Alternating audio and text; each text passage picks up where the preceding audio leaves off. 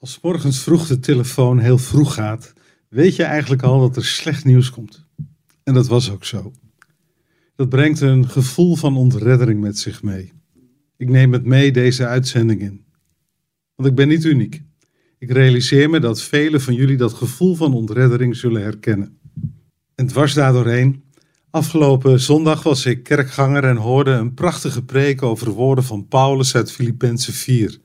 Een oproep om te bidden met alle ruimte voor dankbaarheid, maar ook met alle ruimte voor klagen en smeken. En daarin deze belofte. Dan zal de vrede van God, die alle verstand te boven gaat, uw hart en gedachten in Christus Jezus bewaren. En dat is mijn gebed vandaag. En ik hoop dat je met me mee zult bidden. Voor jezelf of voor anderen. Dat de vrede van God tastbaar zal zijn voor iedereen die worstelt. Ik bedoel dat niet als een goedkope pleister op de wond, maar wel als een bron van vrede, zodat je weet, ik sta er niet alleen voor. Ken het verhaal van Louis Samperini? In deze tijd rondom 4 en 5 mei probeer ik altijd naar de verfilming van zijn leven te kijken. De film Unbroken. Louis Samperini groeit voor de oorlog op tot een veelbelovend atleet. Hij doet zelfs mee aan de Olympische Spelen in 1936 in Duitsland. Maar dan breekt de oorlog uit en vecht hij in het Amerikaanse leger in de strijd tegen Japan.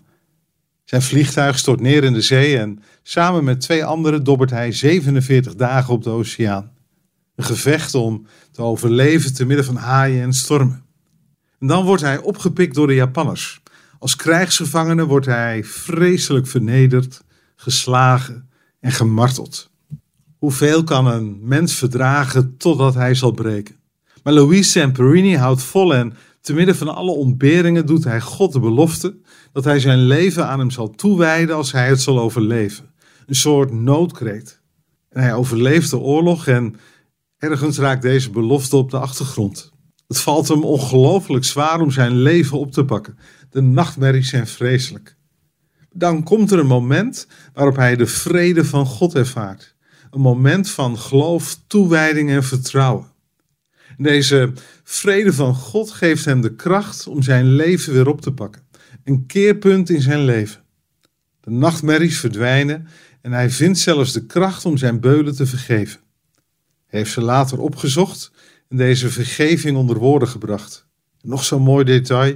Bij de winterspelen in Japan in 1998 is Louis Samperini een van de mensen die de Olympische fakkel mag dragen. Bidden is danken. Maar bidden is ook vragen, worstelen en schreeuwen.